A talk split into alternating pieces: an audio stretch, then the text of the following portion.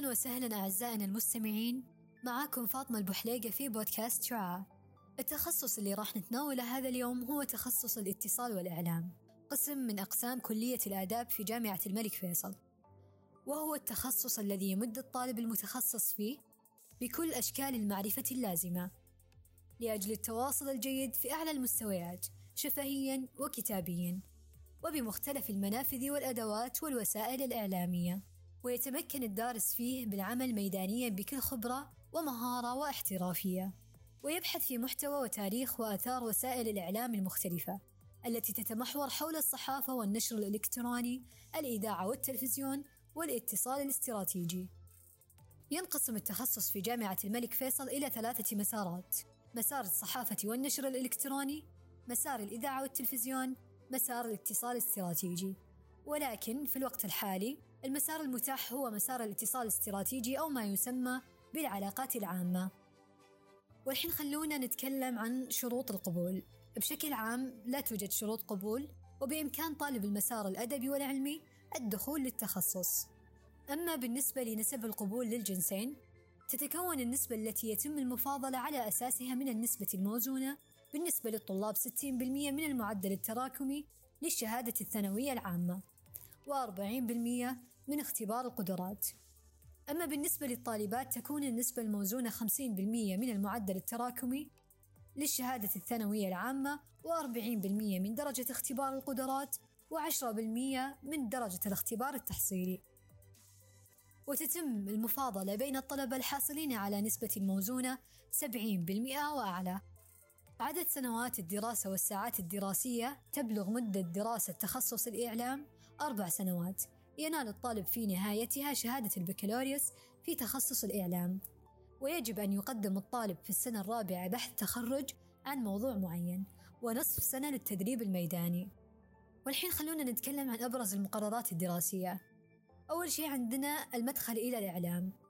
ومن خلال هذا المدخل يتعرف الطالب على الإعلام من أساسيات وتعاريف بصورة عامة كمدخل للدراسة في التخصص. بينما التخصص بينما المادة الثانية هي إدارة العلاقات العامة. تهدف هذه المادة إلى تغيير نمط الشخصية الانطوائية حتى تصبح ذات نمط انفتاحي متغير. فهي تقوم في الأساس على الاختلاط بالناس طوال الوقت والتواصل والاتصال معهم. والعمل في جميع متطلبات العمليات الاتصالية مع الأفراد أو المؤسسات. المقرر الثالث هو وسائل الإعلام. تهدف هذه المادة إلى إيضاح الأساليب أو الرسائل والقوالب التي ينتهجها المعلن لإيصال الرسالة إلى الشريحة المستهدفة من المستهلكين والزبائن. مادة مدخل إلى الإذاعة والتلفزيون. يهدف المقرر إلى تعريف الطالب ببدايات ونشأة الإذاعة والتلفزيون. والتطورات التي حصلت وأنواع الإذاعات وطبيعة هذه الوسيلة وسماتها وقدرتها الإقناعية. والتعرف أيضا بأهمية التلفزيون وسلبياته ودوره في التنشئة الاجتماعية. والآن بما يتعلق بأماكن العمل والمهام الوظيفية توجد فرصة وظيفية واسعة في مختلف المجالات الإعلامية حيث يمكن العمل في مجال التلفزيون والأفلام والنشر والصحافة والتحرير والعلاقات العامة. كذلك صناعة الأفلام والإنتاج وكتابة النصوص والإعلان وغيره. وأيا كان التخصص الفرعي يمكن لخريج هذا التخصص الاختيار بين أن يكون صحفيا أو إذاعيا أو مخرجا أو كاتبا سينمائيا. وتتعدد المهام التي يؤديها الأشخاص العاملين في مجال الإعلام. تتمثل في واحد إعداد وكتابة الأخبار والمقالات للنشر. اثنين التقاط الصور للنشر والتوثيق التاريخي.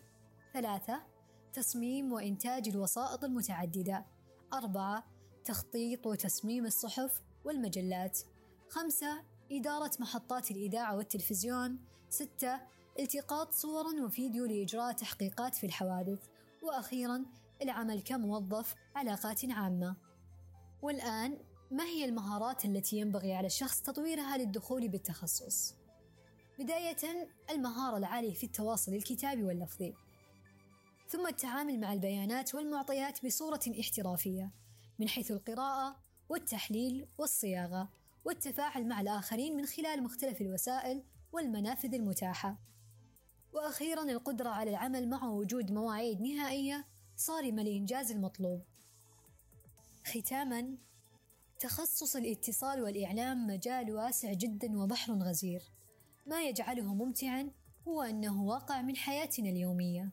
وفي الإعلام لا نكتفي بالمشاهدة فقط بل نحاول إيجاد حلول لكثير من المشاكل التي تواجهنا في حياتنا كما أنه أيضا يعبر عن عقلية الجماهير وأرواحهم واتجاهاتهم والتعرف على المجتمعات من حولنا كما يتيح الفرصة للتفكير والتحليل. مستمعينا الكرام فاطمة البحليقة في بودكاست شعاع.